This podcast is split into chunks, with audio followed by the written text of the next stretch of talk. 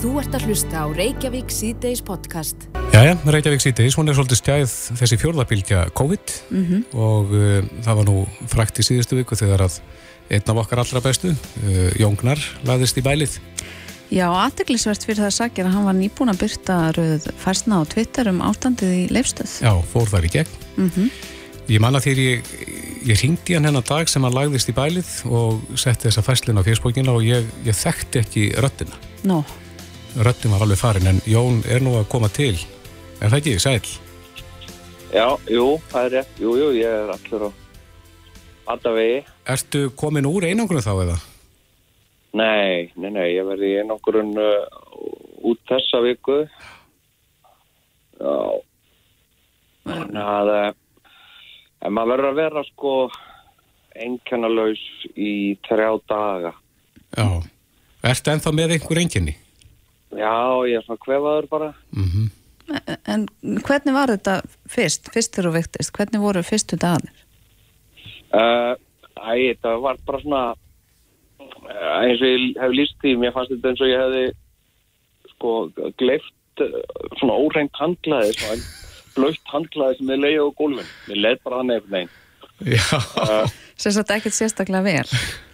Nei, alveg einstaklega ónotalega og uh, og hérna uh, svolítið svona eins og einhver hafi eitar fyrir þér. Þetta er svolítið svona eins og ég get ímynda mér að- að að verða, verða eitra fyrir manni. Og uh, síðan hafa svona þessi engenni sem að ég hef heyrt um og lesið um eins og, eins og lyktaskinn og bræðskinn Mm fara uh, Ertu ekki búin að fá það aftur?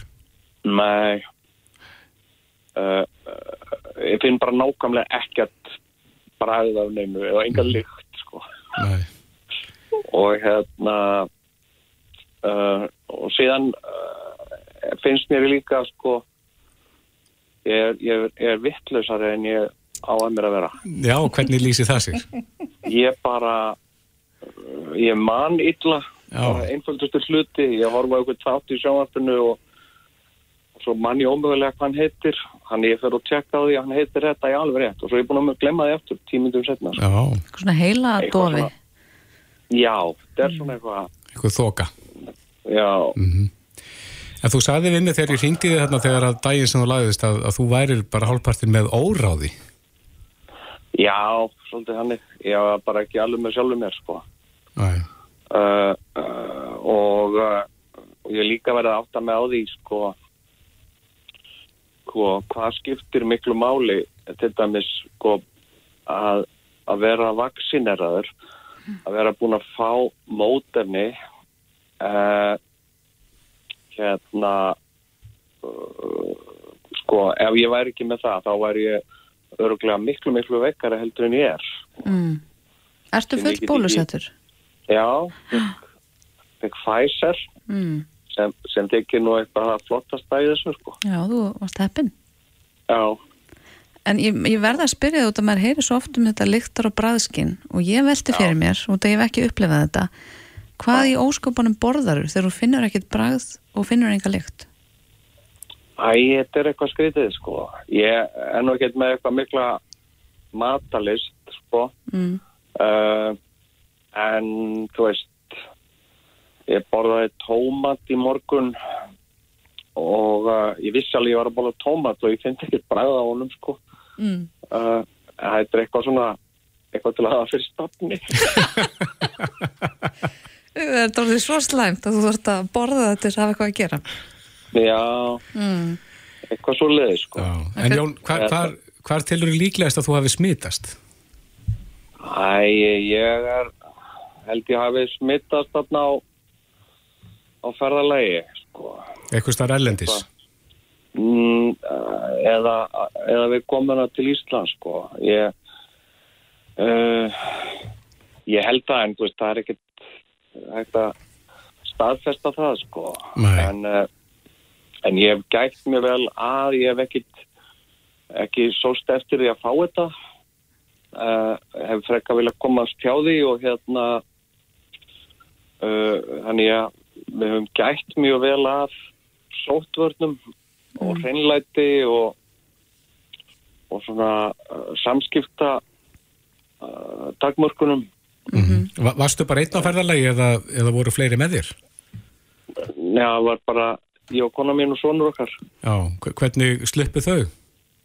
Uh, hún, er, hún er líka vekk og uh, en hann er í einangurinn, hann sótkví segi ég, Já, hvað, hvað er hann gamall? 16 ára. Já, já. Það. Þú náttúrulega vaktir mikla aðtegli þegar þú byrtir þessar myndir úr leifstöð. Já, Hvernig var að koma til landsins eftir ferðalag og lenda í þessu sem að er alltaf hægt að kalla annað en kaos? uh, mér finnst það bara ræðilegt og þetta er bara eitthvað svona ömurlegasta sem við höfum upplifað á ferðalagi. Við höfum nú ferðast mikið og farið við það og lendi í alls konar. Mm. uh, og þetta var bara algjörlega ömurlegt og í þessum aðstæðum og með vírusinn og með heimsfaraldur og sóttvarnir og svona uh, þarna var eitthvað sko, þú veist, aðstæður sem að eða svona hegðun sem að, sem að við erum búin að vera að tilengja okkur í, í meira en ár sko. Mm og við varum alltaf innu þvinguðin í aðstæður þar sem við gátum ekkert gert þetta. Við gátum ekkert haldið einhverju byli við annað fólk og, uh, og við vorum í aðstæðum sem okkur langaði ekki að vera í en við komumst ekki út úr þeim. Uh, og þetta var ekki bara veist, einhver, einhver ferðatöð eða eitthvað svoleiðist, þetta var bara svona eh, þetta var bara ógnandi, þetta var bara óbóðslega óþægilegt. Voru þið öll með grímur? Já, það var allir með grímur hérna og, Já.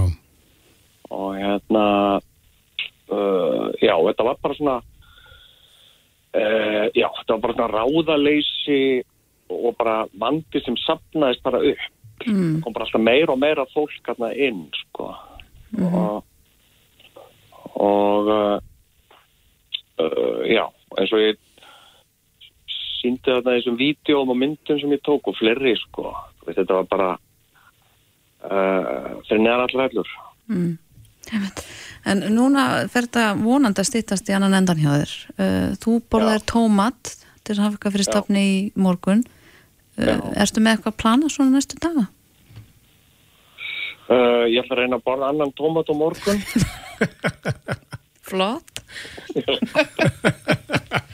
Duglegur. og hérna uh, og ég ætla kannski fara í bað í kvöld uh, annars bara að horfa á sjónvarpið sko Mælur með einhverju fyrir fólk í sótkviði einangrun að horfa á sjónvarpinu? uh, uh, já, það er sko það er frábær ný seria á hjá HBO Mm. sem heitir uh, White Lotus Já. Finnst það alveg frábær þetta er svona uh, fjölskyldu drama Ok. með svona komísku svona tragikomísku ífaði Mm uh, mjög vel gert sko. Já. og já. White Lotus, það má kíkja það. En uh, Jóngnar, Já. uh, það er nú betrið í hljóði núna heldur en því ég heyrði síðar, uh, síðast. já, já, já, já, allur annar sko. Já, þannig að við sendum bara bestu kveðu til ykkar hjónana í, í einangrun og Já, hérna, vegna ykkur vel. Bata já, kveður, takk fyrir það, takk fyrir það, hafið það gott. Sömulegis, bless, bless. já, þess Þú ert að hlusta á Reykjavík C-Days podcast. Jæja, heimsbyðin fylgist með gangimáli í Afganistan. Mm Mhm. -hmm. Hryllilegi ratbúrar gerast þar. Reyndar lofa talibanar bót og betrun. Já. Svona betra stjórnafæri heldur en síðast þeir ríktu á þessu, í þessu landi. En margir hafa ágjur af stöðu kvenna. Heldur betur, utanrækisáþurinn okkar, Guðlegu Þór, Þórðarsson, er á línni, kom til sæl. Sæl verði. Já, hvernig metur þú stöðuna í Afganistan? Hún er náttúrulega mjög slæm. Ég held að sé ekki þetta orða það neitt með öðrum hætti. Eh, Þið nefndi í ingangnum að uh, Taliban er lofu betri tíð en við eh, þekkjum og munum hvernig þeir gengur fram á, á sín tíma og uh, sama tíma og við vonum að, að eh, þeir mun ekki ganga fram við sama hætti aftur að eh, þá hefur maður þetta miklar ágjör af því og við munum líka ákverðu þegar að fara inn á, á sín tíma. Eh, Þetta var orðið greiðiland reyðverka manna sem að eh, ja, fóru er réðust inn í, í, ja, í New York og með tilhengandi afleggingum þannig að og síðan þekkum við líka framgóku þeirra sérstaklega konum og bönnum mm -hmm. Og þetta er eitthvað sem að, að gera það verkum að, að við eins og held ég öll heimsbyggin hefur mjög miklar áhyggjur af stöðum ála Var þetta ekki fyrir síð? Þetta var ekki það sem var lagt upp með. Og uh, það sem hefur búið að gerast á undanfjöldum árum er það að það hefur verið að byggja upp uh, innviði í Afganistin, þar með talið öryggisinviði. Og uh, við þekkjum það að þeir voru að búið að þjálfa þarna hér sem að taldi 300.000 manns. Sem að lagði bara niður opn á fyrsta degin annars. Og eins og kom fram hjá Joe Biden fórsta bandaríkjana þeir voru til dæmis með flugherr sem talibanir voru ekki með. Og, og, og, og það hefur einni eldi komið flestum í opna skjöldu að sjá það hvað þetta við gengir hratt. Mm. og og eins og segi þetta var svo sannarlega ekki upplegið Nei, Biden stendur við þessa ákvörðun samt sem áður og kennir áðamönum í Afganistan um þetta allt saman núna. Er þú sammála því sem hann segir, hann Joe Biden? Ég held að bara sínum best orða þannig það vantar eitthvað það vantar eitthvað í þess að jöfnu. Eh, það eftir allan þennan tíma að við sitjum upp í þessari stöðu eh, já, það kallar á, á ymsa spurningar og eh, ég ætla ekki að leggja neitt út frá því núna þetta var ekki það sem var lagt upp með og, og ég held að að við getum ekki fundið marga sérfræðingar sem spáðu því að, að þessi hlutir myndu ganga fram eins og raun beri vitti. Nei, en beru við Íslandingar sem NATO-þjóð einhver ábyrð í þessu máli? Sko við Íslandingar uh, tókum þátt í uppbyggingastarfi þarna á grundvelli uh, samþitt öryggis á saminuð þjóðana og uh, þegar mest var var þar um, um 50 ríki sem að tóku þátt í, í uppbyggingu þar. Og það sem við höfum gert á í Afganistan Eh, hefur verið nokkuð sem að eh, hefur gengið vel. Og eh, við erum búin að vera með tugi sérfræðinga og við erum alþjóðastofnan á landinu, einhvern veginn við þróun og jafnleitis og upplýsingamála mm -hmm. og við erum íslensku fríðagæslunar meðal annars við stjórn kapulflugvallar, hjúkuna og löggæslunar og sömulegis hefur við skilningslandi sem áhersluvönd í alþjóðleiri þróunarsaminu mm. og stutt starf alþjóðlega mannúar á þróunastofnuna í Afganistan til að mynda UN Women, UNESCO og OCHA þannig að uh, ég held að, að það sem að okkur íslendingu snýr að, að við hefum lagt okkar að mörgum til þess að, að stöla að friði og margætnundum í, í þessu landi En hvað með þessa Íslandinga? Er það ekki rétt að það eru tíu íslenski ríkisborgara sem eru núna í Kabul? Uh, hvernig er hægt að tryggja öryggi þessara ríkisborgara? Ég held að séu nýju en uh, við erum í beinu samskiptinu fólkið, uh, við fylgjum skramt með framvendinu og, og, og veitum aðstof eins eins og kostur er. Uh, þetta er tvenn hjón og börn þeirra og fólki býður átt þetta að komast úr Afganistan og borgarið þjónustar áðan sem séu í samskiptinu við aðra borgarið þjónustar á Norðurlöndunum við möguleika á að fjölslega komast úr landi á öðru norðurnu borgurum. Og e, svo eru líka einstaklingu sem sýndi verkefni fyrir aftarsvandara í landinu og hann heldur kerið fyrir og býður því að komast úr landi með öðru liði bandalagsins. Mm. og fastandi Íslands hjá aftarsvandalanu er í stöðum og samskiptu við mannin og, og síðan eru þær e, bæðast líka það ánægilega frettir í, í morgun annar íslensku ríkisborgari sem starfar hefur fyrir aftarsvandala í Kabul og væri komin heilu og höldnú til að saminu aðræðsbyrsku bustadana mm en uh, þetta eru bæði floknar og erfiðar aðstæður og við gerum uh, allt sem í okkar vendastendur til að uh, fólki okkar komast á Kabul sem allra fyrst. Mm, er líf þessa fólks í hættu? Vi, við vonum ekki en við sjáum auðvitað hvernig ástandi er og eins og segi við gerum allt hvað við getum. Mm. Erstu, veistu eitthvað hvernig hljóðið er í þessu fólki? Þetta hljóta að vera mjög erfiðar aðstæður að vera í. Eh, það segir sér sjálf við sjáum það þetta bara að, að þetta er erfitt og flókið en uh, það sem okkur snýr er bara eftirlega þetta það er algjörst áherslum á hlokkar að hjálpa okkar fólki eh, eins og við mögulega getum Hvað með flótamenn frá Afganistan? Mun Ísland taka við flótamennum þaðan?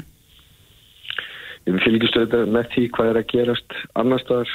Uh, Norðurlöndin þau hafa tekið rætt á það áherslu að taka staðar ána, starfsmöð sendir á hana, uh, sinna sendir á það. Uh, við erum auðvitað ekki þeirri stöðu þar sem við erum ekki með sendir á það og uh, þeir sem hafa starfað uh, þarna hafa verið ránir og við um uh, alþjóða samtaka eins og, og allarsbandalagi og saminuð þjóðana en flottamann nefndi nú að funda á eftir. Þetta er ekki á, á þau mál er ekki á mínu borði. En, uh, en við þetta er eitt, eitt af því sem við erum að, að skoða núna. Hefur ríkistöldin eitthvað fundað um þessa stöðu sem komin er upp? Við hittust í fyrramáli og munum ræði þetta þar. Ég mun, mun koma með minnisblad út af þessu og, öruglega fleiri á þar. Og verður þá tekin eitthvað ákvörðun um hvernig Íslandika geta bröðist við? Já, þetta bara gerast núna, það er hlutin gerast hratt. Við, eh, þetta er eh, algjör forgangu hjá okkur og við fylgjumst mjög grænt með og munum gera það áfram og gera hvað við getum. Það er eitt sem að liggur líka fyrir að eh, það er búið að vera mjög bátt mannúar ástandið í Afganistan í langa tíð og það var metið að fyrir þess aðbyrðum helmingurinn af íbúum Afganistan þyrti á mannúar aðstofa að halda. Mm. Nú eitt þriði hefur svona uh, búið við, við hungur þannig að uh, það liggur alveg fyrir að, að ástandið var mjög bábúri fyrir og, öruglega ekki lagast við þess aðbyrði. Ég mitt það. Guðlaugur Þór, Þórðarsson, utanríkisáður að takk hérlega fyrir að gefa tíma til þess að spjallum þessi mál við okkur. Takk sem leiðis. Þetta er Reykjavík C-Days podcast. Við höldum áfram hér í Reykjavík síðdeis og ég veit ekki hvað þér finnst Kristófer en í þessum heimsfaraldri öllum Mm -hmm. þá gleðst maður ekstra mikið þegar maður sér fyndnar og skemmtilegar fréttir. Ég er sammála. Er það ekki? Jú. Ég rak augun uh, í frétt á Mhm. rúf um, köttin Byrtu Já. sem er plokkari. Sem að því þeirra hún safnar rusli. Hún safnar rusli og færir eiganda sínum Mm og uh, mér skilst að uh, eigandin, Stefania Helmarsdóttir hafi meira að segja bóði fólki heim og eins konar rusla síningu á höfni í Hortnafyrði þar sem köttur og eigandi búa og Stefania er uh, komin á línuna kontu sæl og blessuð Já, komið sæl. er þetta ekki allt rétt og satt sem ég er að segja? Jú, þetta er algjörlega satt nema ég er ekki með allt ruslið heima hjá mér. Það er hérna, pappi er hérna í húsi hérna höfn sem heitir Mikligarður. Já, Ákveðum að skella upp síningu þegar humarháttíðin var. Já. Hver, hvernig rusli er hún að týna hún byrta? Uh, hún hefur mikið dáleiti á öllum vinnuvellingum og garðhönskum. já, Það var mikið uppgrip þegar unglingavinnan var. Já. Er hún að þessu eitthvað staðar eða? Hún týnir þetta á hérna ekkit rosalega stóru sveiði. Ég er með svona, með svona tækja á henni. Já. Hún fer alltaf á sömu leiðirnar. Hún á sinn rúnt. Já, hún fer alltaf oftast og næri hinn á móti ef að það er möguleiki. Nó, hún er svona hagsín Já, hún kemur með samstæður, mikið af því. einmitt það uh, og hún færir þér allt ruslið sem að hún plokkar Já, hún leggur það í kringum húsi hjá mér Já, já. við herbyggisklukkan minn og aðalega við stofuklukkan Mm. og við þvotturúsi. En hún var að fá það ekki eitthvað styrk frá bláa hertum? Ég er óbláð herrin kom og kíkti hérna í fyrradag, Já, vild svo til að við og spurði mitt í vegar og hittu akkurat á mig já, hvað sýningin væri mm.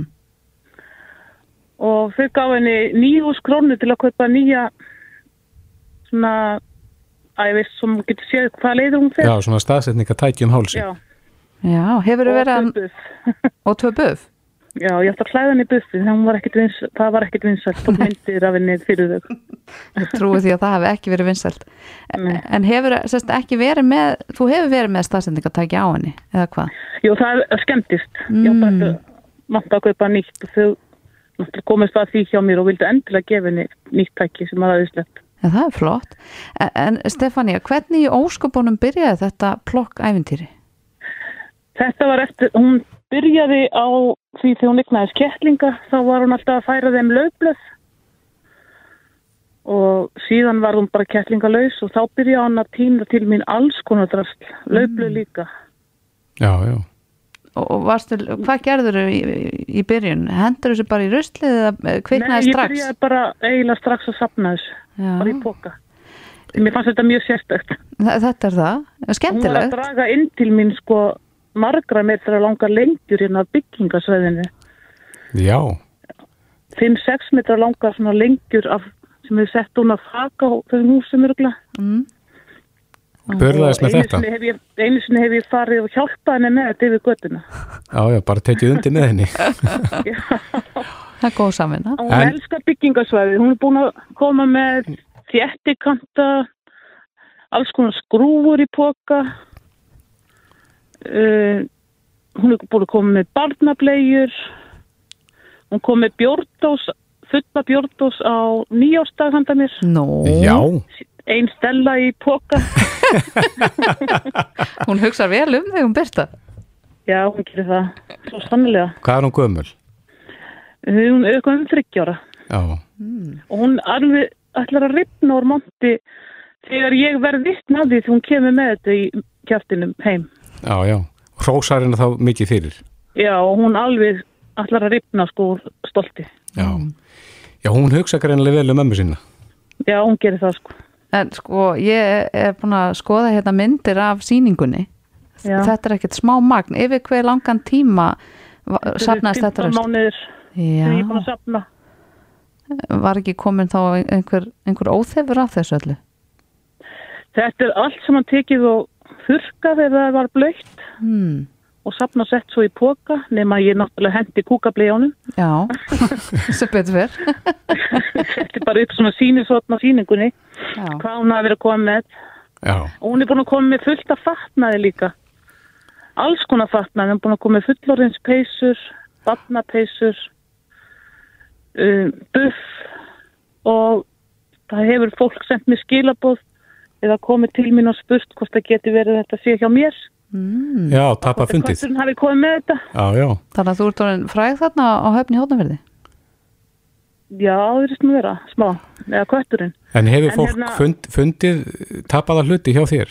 Já, Já, ég fekk eins og skilabóð hvort það geti verið blá samfella hjá mér á litla stráknum, litlum strákjörnum sem voru út að drullum allar daginn máður. Og jú, það vildi til og hún var akkurat komin í hús. En er hún að fara inn hjá fólki og ná í hluti eða er þetta bara eitthvað sem hún finnur á viðavangi? Hún fyrir ekki inn hjá fólki. Nei. Nei, það er kannski ágætt. En, en finnur fólk mælanlegan mun á uh, hreinlæti? Í, í, í sínu nánast umhverfi? Er minna Ég, rust? ég hef ekki hýrt það, það lítur nú, þetta er nú ekki lítið magn. Einmitt. Uh, og þetta er ekki stórt svæði sem hún tilenga sér. Þannig að Nei, þetta er alveg ótrúlega mikið sem að er bara fjúkandi hennum allt. það er mitt. Og hún er á Facebook, hún Birta, við verðum nú að minnast á það. Já. Er, er, hvernig Já. finnur fólk hana á Facebook? Það er Birta litla plokkari. Byrta litla blokkari á Facebook. Við bara byrðum að heilsenni Byrtu litlu. Stefania Hilmarsdóttir Já, á höfn í hotnafyrði. Kæra þakki fyrir þetta. já, takk, æðislegt. Heyri ykkur. Sömuleiðis, bless, bless. Bless, bless. Reykjavík síðdeis á Bilginni podcast. Jæja, Reykjavík síðtegis, menn eru svona að reyna að fóta sig í þessum nýja veruleika, mm -hmm. fjórðabildja fannar stað, skólanir að hefjast og ekki allir á eitt sáttur um uh, hvers skal stefna í því, það er að segja varandi sótkví og einogrun og annað slíkt. Nei, maður heyrir einhverja rættir um að sumum finnist eh, og margir lenda í sótkví út frá hverju smiti, til Já. dæmis í skólum. Og það eins og gefur auðvitað að þegar að skólabörnin eru sendið sótkví, að þá bitnar það á heimilunum og þar leðandi á atvinnulífinu. Og samtöku atvinnulífsins hafa álíktað um uh, svona hvers skal stefna þegar að skólanir hefjast aftur og, og vilja endurskoðun á því hvernig við höndlum þessi sótkvíjarmál. Haldur Benjamin Þorbergsson, framkvæmtastjóri samtaka atvinnulífsins er á línunni, kom til sæl. Já, komið sæl. Já, þið viljið eitthvað endurskoðun á því hvernig við erum að höndla þessi mál. Ég held að umræðan sem hefur átt sér stað á Íslandi undan varnar vikur hefur verið með þeim hætti að það sé í raun bara ein leið til að takast á við þetta. Það sem við erum einfallega að benda á með því að skoða nærtækt dæmi frá Norðurlöndunum og öðrum nákvæmnaríkjum þá er það ekki alls kostar rétt. Nákvæmnaríkin sem við viðum, viðum okkur oft við er að taka á þessu með talsvöld öðrum hætti en við erum að gera. Mm -hmm. Og ég hef ekki að margi geti tekið undir þá skoðun að eins og, eins og, eins og svo hví praktis eru þessar myndir þá mun þetta vinda afskaplega hratt upp á sig. Eitt dæmi er þetta, leikskólanir eru búin að vera starfandi núna í rúma viku held ég fann rétt með. Og nú þegar eru heilu leikskólanir og leikskóladeildirnar búin að loka sem þýðir sjáu því að kannski deildin þar sem smitt kemur upp á og nærleikandi deildir er lokað, öll þau börn fyrir að fara í sóttkví, foreldrar þessara barna þar sem þau eru þá ung og sískinni í flestum tilugum líka ef ekki hægt að skipta heimilisaldin aukt mm -hmm. og þið sjáu því hendikar að innan örfára vittna skólastarfi þá má gera fastlega ráð fyrir því að risastór hluti foreldra með börn verði komin í sóttkví á samt börnum sínum og sískinum barnana mm. og það er einfallega aðvar þungstaða að búa við og það sem kannski breytir grunninum í þessu er að stjórnvöld hafa gefið upp að nú sé komin svona önnur nálgun hvernig við ætlum að takast á við veruna mm. það likur fyrir og vísindamenn og læknar hafa staðfæst að þetta verður viðvarandi ástand ekki næstu vikurnar eða mánuðina heldur næstu misserinn eða árin mm. og þá liggur það auðvitað í augum uppi að við getum ekki verið með stóra hluta samfélagsins í sótt hví á hverjum tímapunkti. En nú lærðu margir nýjar vinnuaðferðir í heimsfaraldrinum, til dæmis þessi fjárvinna var já, stór hluti af daglega lífinu. Eh, getur fjárvinna ekki dekkað þetta einhverju leiti? Auðvitað er þannig að fjárvinna er að hluta til komin til að vera sérilega meðal ákveðina starfstjæta.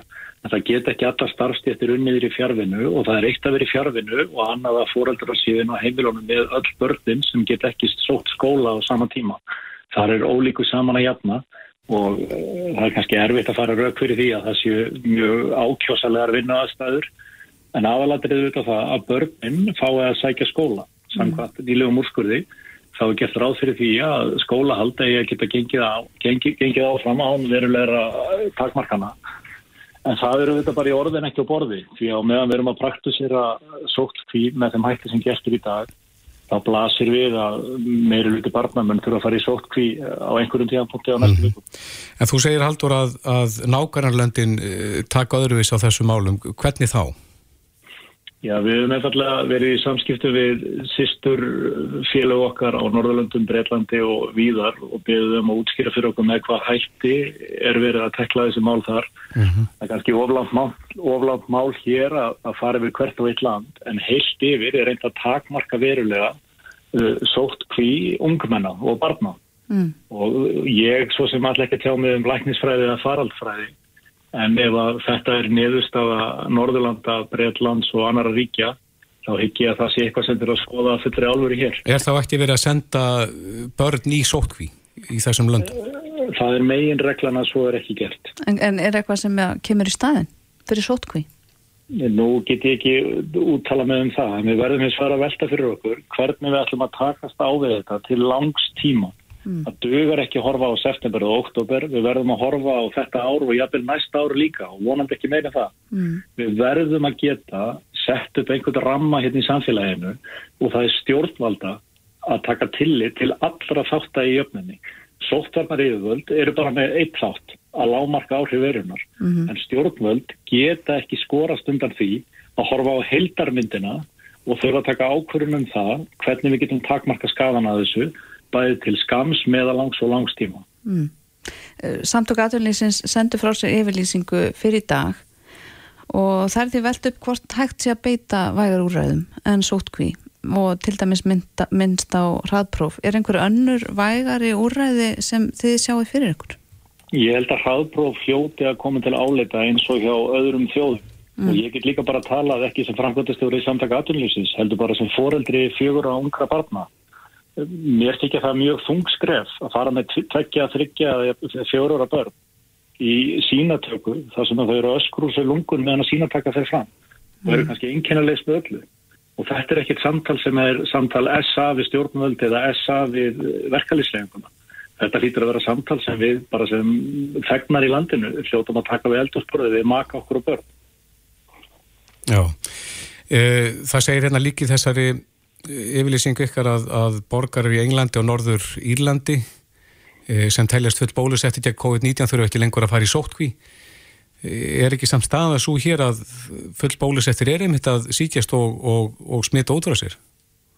Það er alveg rétt að full bólusett fólk hefur smitast en megin forrið þeirra sem er full bólusettur er enginn alveg. Ég tek það sérstaklega fram, ég ætla að tjá mig um læknisfræðin í faraldfræði Nei. en að varpa ljósið á það að það er ekki ein leið til að takast á þetta heldur er hvert land að tækla þetta með sínum hætti og mér sínist að svo leið sem núna er viðhöf varandi sóttkví á Íslandi sé gangi einfall ekki upp til langstíma samfélagi get ekki staðið undir þessari miður. Hafið þið fengið eitthvað viðbrögð við þessu? Er, er komið á eitthvað samtal um það að reyna að, að finna aðra leiðir? Við erum svo sem í stöðugu samtali við stjórnvöld, bæði hvað þessi mál varðar og önnur mál sem snúa að atvinnulífu og að vinnumarkaði. Og já, ég hef verið í samskiptum við uh, formið stjórnarflokkana í dag og undarvartan dag hvað þetta varðar. Og hvernig hefur verið tekið í þessa málaleitan ykkar? Ég vísu þetta ekki í tvekja manna tal, en heilt yfir er alveg ljóst að áhyggjurnar eru víða, víða í atvinnulífinu, víða á meðal launafólk sem að fara að sæta sótkví og getur illa verið frá vinnu. Og auðvitað líka er, er allir að hugsa um börnin að þau getur reynd að ná svona nokkuð heillegu skólastarfi þennan vetur og ég tel augljóst að það mun ekki nást með núverandi, núverandi reglum. Ertu bjart síðan á að eitthvað breytist? Ég er alltaf bjart síðan og mér finnst uh, vel að verið haldið á málum í þessum faraldri. Núna er eins og það líkiladriði að stjórnvöld láti til sín taka horfið á heildarmyndina en ekki bara sóttvartavinkilinn einan á sér. Það getur við ekki gert svo árum skiptir. Nei.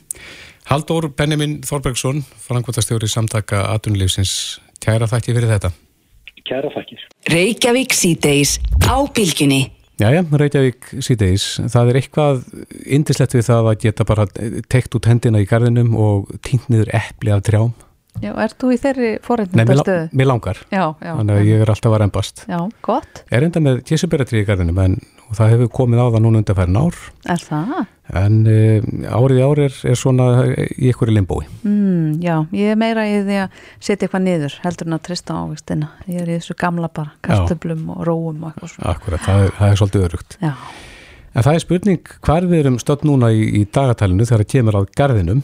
Á línunni er Guðriður Helgadóttir, uh, garðirkjufræðingur, sæl. Sæluflesaður. Erum við að fara að pakka saman í garðinu núna eða er nóg eftir?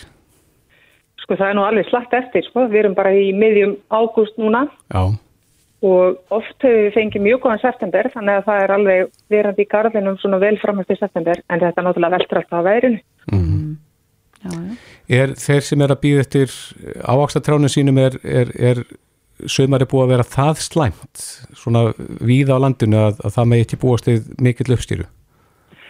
Sko það getur alveg verið að það verði lítil uppskýra í águstum núna þetta árið vegna þess að voru var svo rosalega kallt. Plöntunum voru svo seinar að blómstra og meira segja sko það var nætufrost alveg fram eftir júni. Þannig að það setur náttúrulega þessum hérna, ávastu trjám svolítið frengar skorður í, í blómgun og aldimyndin. Mm. Ræður það úslitum þar að segja hvernig vorið er og hversu fljótt er farið að stað? Vorið hefur rosalega mikið að segja og það er aðalega vegna þess að blómunum er svo hægt við að skemmast ef við erum með frost fram eftir vorinu og svo líka það að ef að það er samfældu kuldi að voru þá er blómgunni sem stað oft mjög seint og við höfum alveg séð það gerast líka. Mm. Aldinni þurfa hins vegar ákveðin tíma til að þroskast þannig að ef að blómgunni er mjög seint að ferð þá þurfum við að trista á mjög mild og gott haust til þess að fá einhverja ávesti. Þetta er svona ákveðið samspil. Já, þetta er Ástíðana. náttúrulega- Já, það er þannig að Mm.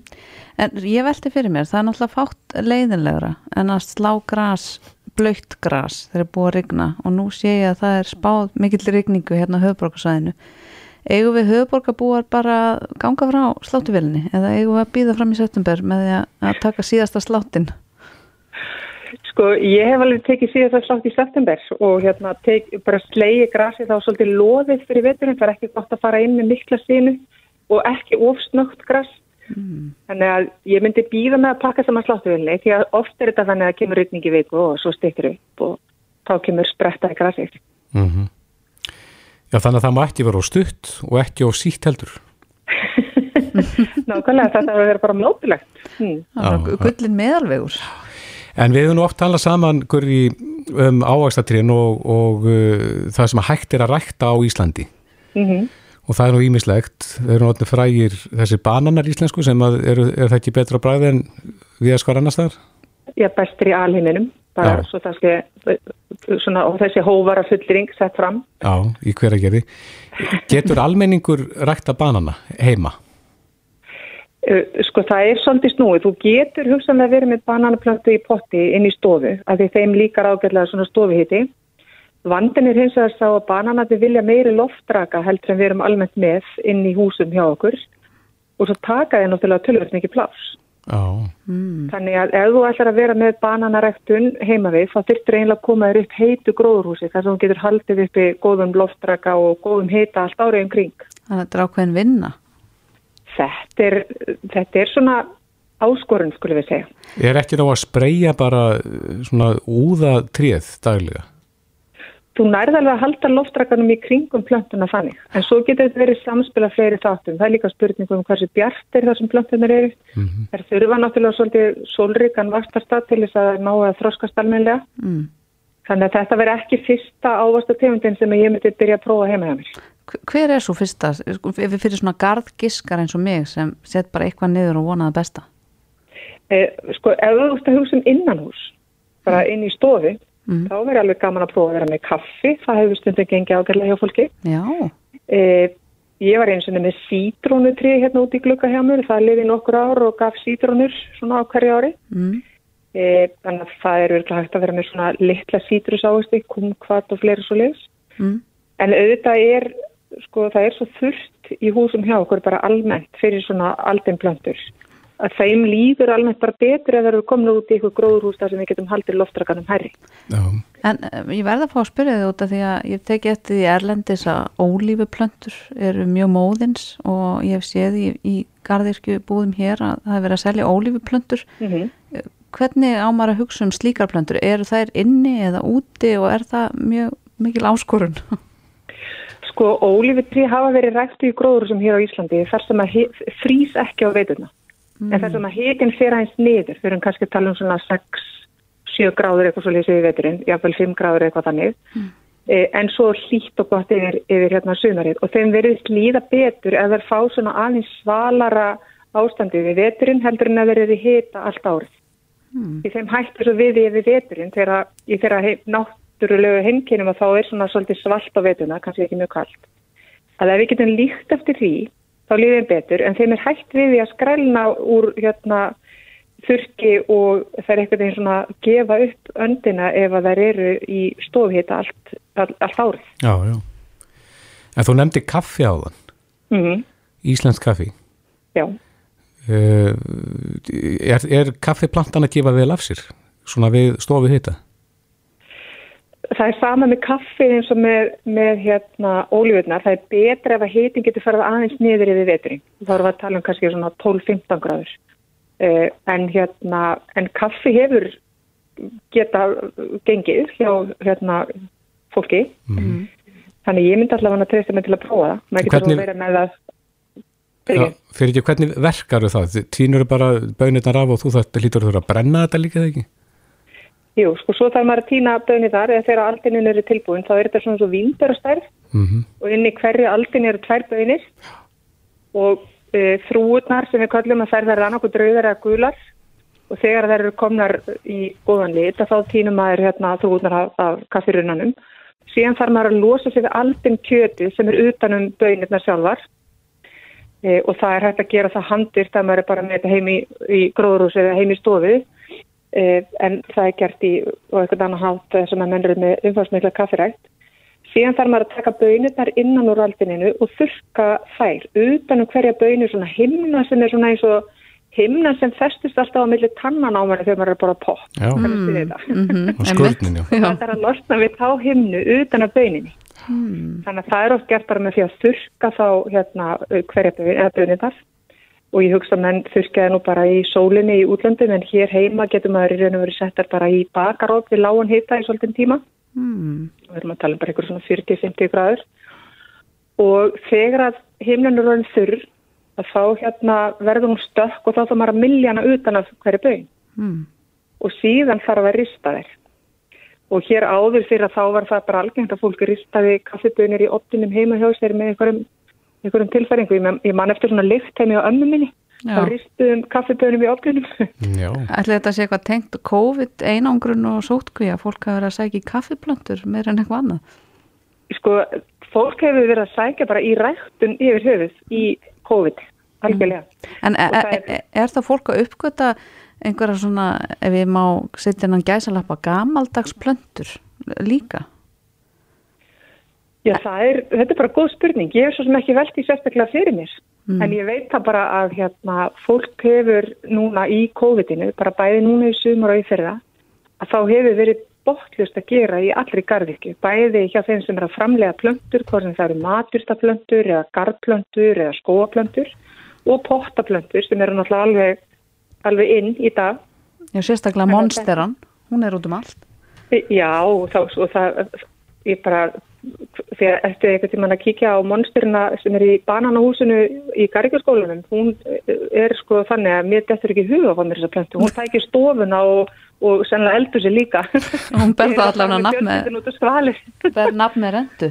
Þú ber nafn með rendi en það er náttúrulega rosa flottar og gaman að svona þessari, þessum postaplöntu á að. Þannig að fólk er bara algjörlega uppgöta alls konar e, ræktun og finna gleðina í því að vera með sínar eigin plöntur og, og skapa sér svona eh, grænt umhverfi heima við, hvort sem það er í garðinu með innanhús. Rétt aðeins í lokin, Guri, uh, það er nú stundum spurt hvort að við getum verið sjálfum okkur næg þegar það kemur að ræktun og framlegslu á, á grænmeti og, og ávöxtum og slíku. Já, Erum við eitthvað þokast í þá átt eða erum við ennþá sofandi? við erum ekki sofandi og við erum alltaf að þokast aðeins í, í rétta átt og núna bara síðast ári að þá voru stóri framlegendur að, að, að hérna, reysa veglega gróðurús til þess að geta auki framlegslu í tómutum og gúrkum og fleiri.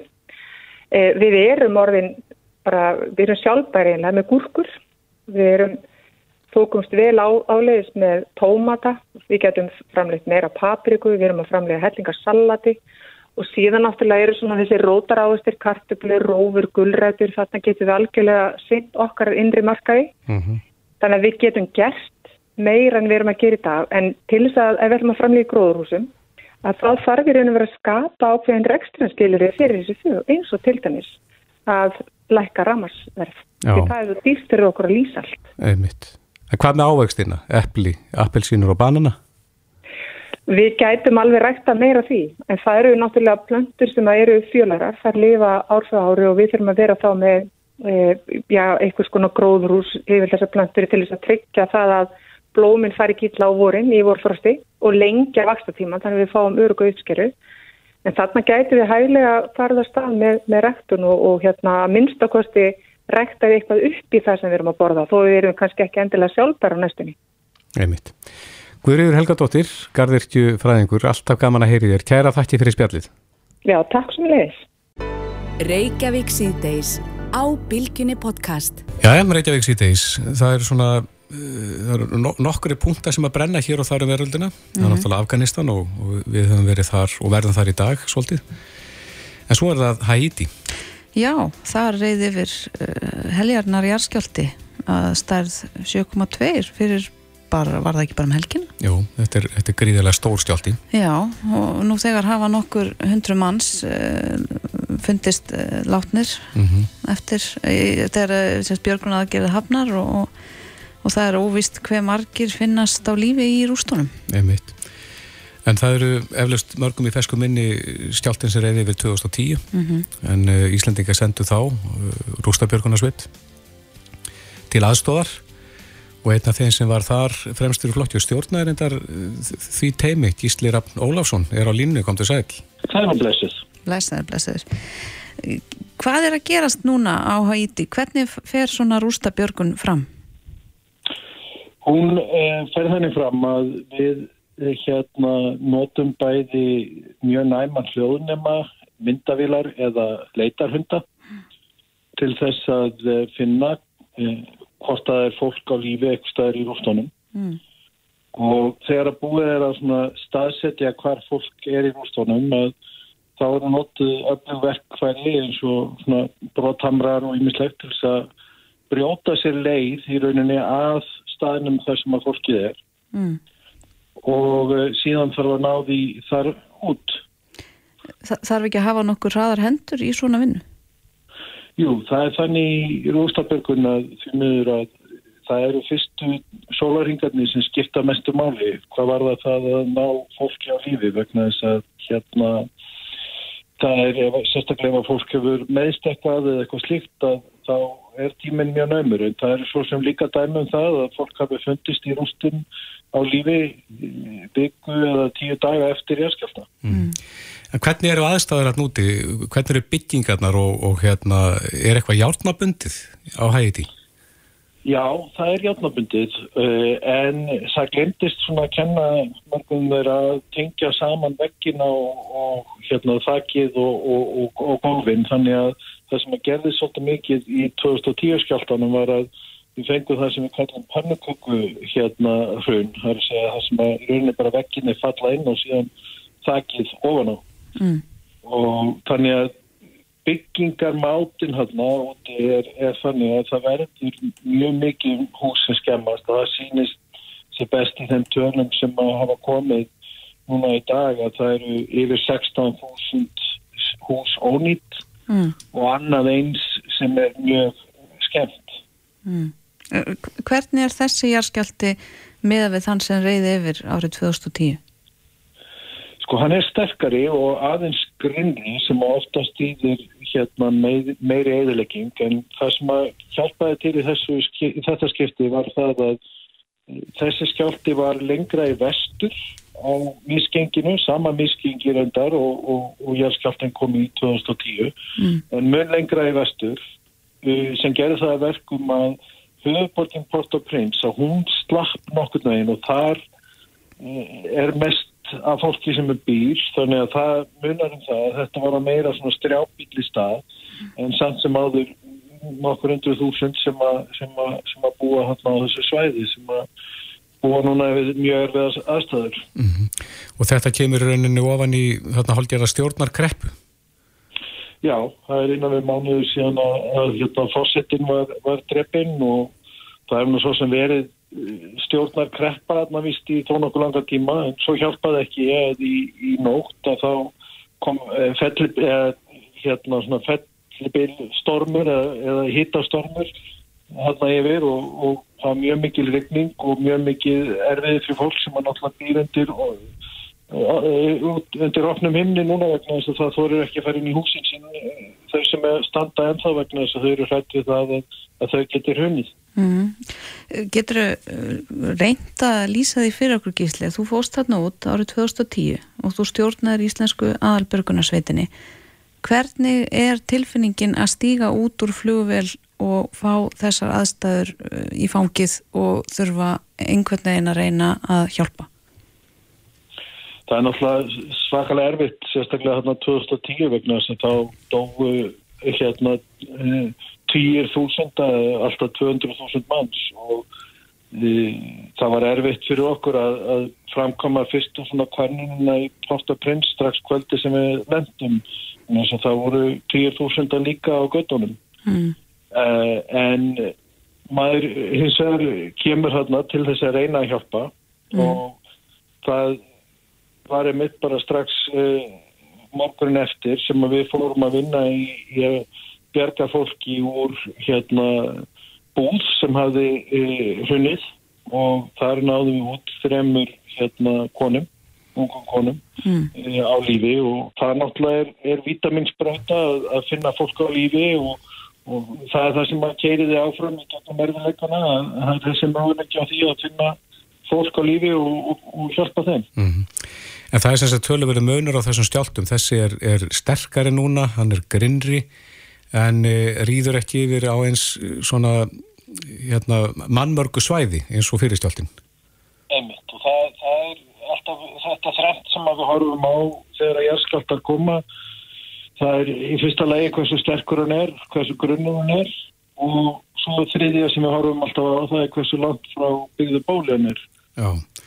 En e, lærðu menn eitthvað á fyrir stjáltuna þar sem þegar það kemur að, að byggingum? Erum menn búin að bæta byggingalægið? Já, það var nú farið í að hérna kenna betri byggingalag og annað en það er nú samt sem áður þannig að á Haiti að það er ekki mjög vel fylst með, það er ekki svona eins við gott byggingar eftirlit eins og við konumst við hérna heima þannig að, að fólk getur nú ennþá verið að byggja með gamla mátana þess að það sé nokkuð verið að stoppa það af. Mm. En Gísle, nú ert þú í frambóði fyrir, fyrir eh, hönd pírata til alþingis, alþingis. Um, klæjar þið ekkert í puttana að fara upp í flugvel uh, til Hæti og leggja þetta mörgum þar? Jú, jú, og það er eh, alveg búið að byggja mig um hvort ég sé, geti mögulega að farið og ég var því miður að segja nei. En, en það er náttúrulega í hvert sinn sem maður sér hann farið gerast að sama í hvaða starfi maður er að maður hérna vil hjálpa. Þegar maður hefur gert það sinni og þá vil maður alltaf geta hjálpað og vonandi kemur nóg að hjálpa á staðinn Mm. Það er náttúrulega ekki endilega að fá mestan fókusin í fréttum og öðru núna þannig að það er spurning hversu aflugt allþjóða samfélagi verður í að styðja við þarna. Já, það kemur vantanlega ljós eða verður það kannski komið í ljós nú þegar? Það er, það er byrjað að koma smá aðstóð þarna á svæðið en, en betur maður að skala eins og það segir. Einmitt, það eru flott loka orð. Gísli Raffn Ólafsson, takk kærlega fyrir að fræða okkur um rústabjörgun og, og leið okkur að fá smá einsýn inn í þannan veruleika. Takk sem leiðis. Hlustaðu hvena sem er á Reykjavík C-Days podcast. Reykjavík síðdeis við örgum hér áfram Lilja, Katrín, Kristófer og Bræi og Já. nú er bara tæpur mánuður í alþingiskostningar. Já, það styrtist í þetta. Mm -hmm. En við finnum það líka og höfum reyndar fundið fyrir því í ykkur tíma núna að það er komið pínu stjálti. Já og fara að hitna svolítið í kolonum en, en menn beita ímsum bröðum og leiðum til þess að koma sér og sínum stefnumálum á framfæri. Já, við sáum það nú fyrir síðustu alþengiskostningar að það var allskeins naflus áróður sem fekk að grassera á samfélagsmiðlum mm -hmm. og erfitt ofta greina milli, raunveruleika og lega, hreinlega. Akkurat. Og línun er hann Sigur Svansson hjá Sahara Uh, þú ert sérfræðingur í þessum efnum, samfélagsmiðlum og, og kostninga áróðri Já, jú, jú ég hef ekki bara að segja það Er það ekki? Er það ekki ágættist titill bara? Jú, heldur myndir maður settir þetta pressu bara strax sko. Já, já, það, það dugur ekkit annað sko Já, nákvæmlega En hvernig verður þetta núna? Munum við áfram sjá svona mikið magn af naflösum áróðri? Ég held að ef maður horfi bara svona aftur í tíman, kannski svona síðustu kosmingar, þá, þá er ekkert að bendi til þess að það veri ekki þannig ár. Mm. Þannig að hérna, leiðilegt að þetta sé mögulega komið til að vera, þannig að mögulega bara raunveruleiki sem við erum að glíma við. Mm. Hvað er um enn að beita bröðum eins og við elendis að það eru búinir til svona falsti reikningar og uh, menn reyna að dreifa svona einhverjum áráði í gegnum þá? Já, það er allan það sem við erum búin að sjá í síðustu kostningum þannig að algjörlega En er ekki búið að skerpa eitthvað á reglum hjá þessum helstu samfélagsmiðlum, Facebook, uh, YouTube, Google? Jú, ef við horfum bara á Facebook dæmi, og Instagram þá náttúrulega ertu undir miklu sterkara eftirfylgni hvað þú ert að gera þannig að áður og ferða að auglýsa dæmi, þá hérna þá þarfst að verifæja þig sem uh, pólitíkus eða að sért að fara senda inn pólitískar auðvisingar mm. og hérna þannig að þú fær ekkert að hlaupa stað fyrir að þú er búin að gera það mm. þannig að Er, er Facebook, uh, er þeir harðastir í þessu eftirliti? Það er það sem að, veist, við erum að sjá núna mm. að en það er til að segja að þú getur ekki sett upp kannski fara ykkur að hjáleiðir og sett að, ykkur að falska kánta en þú veist það fylgst mjög vel með öllu eftir skandalin í bandaríkjunum mm -hmm. þannig að En hversu ítalega er hægt að nálgast ákveðna hópa? Það er að segja segjum það að þú ert að vinna fyrir eitthvað frambóð, þú ert mm -hmm. kannski, ég bara staðsetið eitthvað staðar á þessum ás, hægri vinstri, mm -hmm. þú vilt ná til ákveðnis hóp sem er með kannski aðhyllist eitthvað ákveðna skoðanir. Er auðvelt að, að senda efni á bara þennan hóp? Ekki eins auðvelt eins og þetta er látið hljóma stundum í, í fréttum. Mm. Þannig að hérna, þú veit alltaf limiteraði við að þú ert að targetur út frá aldri og staðsetu og kyni og mögulega einhverjum áhuga sviðum sem að þú hefur skilgrendi á Facebook segjum það bara þannig, að, hérna, þannig að þetta er ekki neitt svona vútumarkasending sko eða, eða, eða eitthvað í áttina því sem að Cambridge Analytica var, var að predikara fyrir sko En segjum bara til dæmis svona nærtækt dæmi, ég vil nálgast alla þá sem að eru andi í bólusetningum. Get ég, get ég náð þeim á einu bretti? ólíklegt Já. þannig að, En, en sko, nú vitum við að það eru ákveðnar búblur á samfélagsmiðlum. Ég sé fólk sem er líkt mér, hefur svipaðar skoðanir og þar fram eftir göttunum og hvernig þurfum við að horfa á kostningaauglýsingar með gaggrínum hætti? Hvernig getum við uh, gert það? Ég held að sé, þú veist, alveg saman hvort það sé kostningar eða eitthvað annað sem að er verið að auglýsa bara frá degi til dags er að, að, er að horfa alltaf gaggrin á það sem er verið að auglýsa Mm. þú veist, það er ef ég tek bara mig sem dæmi, þú veist, ég fæ alls konar vörur hérna, vöruauðlýsingar frá degi til dags og þú veist, maður skoðar síðurnar sem að er að prómóta þetta og hvað er standa fyrir og hvort það hafi verið viskar og, og hérna, þannig að maður getur farið í gegnum svona einfaldan checklista Mm til að sjá bara hvort þetta sé relevant. Já. Þannig að, en síðan er náttúrulega orðið miklu meira gagsa í þessu, þú veist, við einstaklingar bara hérna núna fyrir kostningar geta flett upp öllum pólitíkusum Facebook síðan þeirra og séð bara hvaða auglýsingar þeir eru með í gangi. Mm.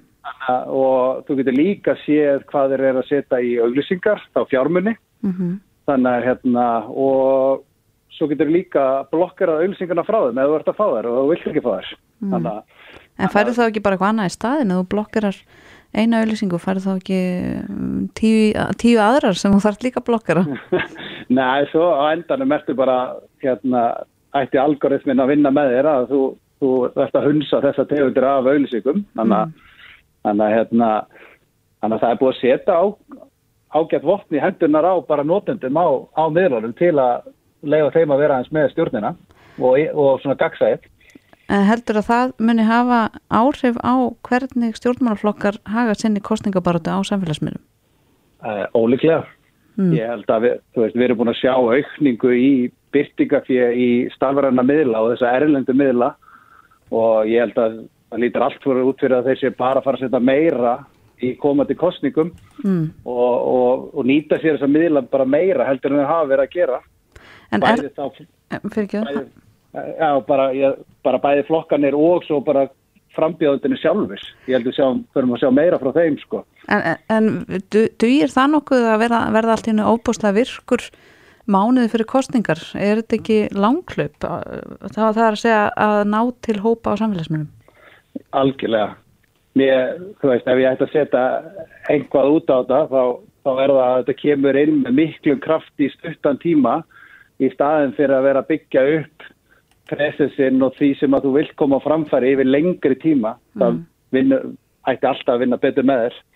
Og því að samkefnin er líka svo mikil á þessu mánuði rétt fyrir kostningar og það eru allir farnir að fluga og setja mikil pening í þetta. Þannig að það er á leiðið nóysið miklu meira heldur en kannski fyrir mánuði síðan eða tvei mánuði síðan eða þrei mánuði síðan. En hvað á þessi almenni neytandi og, og notandi samfélagsmiðla, hvað á hann að hafa í huga? Bara þegar hann er að s- skoða ölsingarnas. Já, Ég myndi alltaf horfa á bara hvaða, hvaða síða er að prómóta til og hérna og hvernig skilabóðun er með. Og ef hún er að beina þér á okkur ákveðna staði að, skoða þær lendingar síður vel. Þannig að hérna og svo er líka bara alltaf að spyrja sig bara að vera vel upplýstur lesa fréttir og spyrja fólki kringu sig ekki trúa öllu sem að sem að byrstist er hérna, það eru tvær skoðanur öllu. Mm. Mm. Uh, nú hefur Sigmundur Davíð var ekki mikla aðtekli undanfarið, uh, byrt myndband af sér að borða hrátt nautahakk og að leika Já. sér við hunda. Mhm. Uh, er þetta góð nálgun uh, fyrir hann sem pólitíkus að ná aðtekli? hann hefur alveg farið sína leiðir Mm. að hérna og margir aðrir þannig að mér finnst ég vera að sjá kannski pólitíkus að svona almennt vera reyna að vera persónulegri Mm. svona stíga kannski aðeins út fyrir þennan pólitíska ramma þar sem að, þar sem að kannski mikil, mikil átök og reyna að sína kannski svona mjúka persónulega hlið á sjálfu sér sko. mm. mannlega hlið Já, þú veist og, og það vil, virðist vera að virka þannig að hérna en við erum líka að sjá þú veist frambjóðundur vera að vinna í þessu kannski lengri tíma í gegnum miðlega eins og kannski Instagram þar sem að persónulega tengingin er sterk Mm þannig að Já, það var nú mikið talað um það fyrir eh, hérna, prófkjör sjálfstæðismann að Áslöfu Arnastæði betra við en Guðlugur Þór Mhm. út af því að hún væri mjög virk og samkvæm sjálfur sér á Instagram allan á sér ring Mhm. það virkaði ekki alveg nógu vel fyrir hana þá þó hún hafi Nei. staðið sér frábærlega Mhm. uh, en þetta er þá kannski eitthvað sem að pólitíkos eru, eru orðnir meðvitaður um uh, en varðandi unga fólkið uh, nú vitum við að TikTok er gríðarlega vinsæll samfélagsmiðl með lungsfólks Mhm. gætu við séð fyrir kostningar já, Bjarnar Ben með TikTok rás eða, eða eitthvað svoleiðis svona smá flip Ég, ég veit ekki, hann alltaf bakaði kökun á sínu tíma mm Mhm. hérna, sem var svona aðeins kannski út fyrir ramman en, en mér finnst það ólíklegt þar sem að hérna, þetta krefst mikill að vinnu og, og framkvæmdar að fara á þessa, ten, til dæmis þennan miðl mm og þú þarf kannski að fara svolítið út fyrir, ef að segja svona komfortzónið Já, þannig, að- þannig að ég myndi frekar veðja á miðla eins og Instagram þar sem að þú getur kannski svona verið persónlegur og kannski smá skemmtilegur en, en samt þarf þetta ekki að fara um of sko. Nei. þannig að ekkilega Einmitt, Sigurður Svansson sérfræðingur í samfélagsmiðlum hjá Sahara. Kæra þakki fyrir spjallið. Bara takk sem leðis Þetta er Reykjavík C-Days podcast.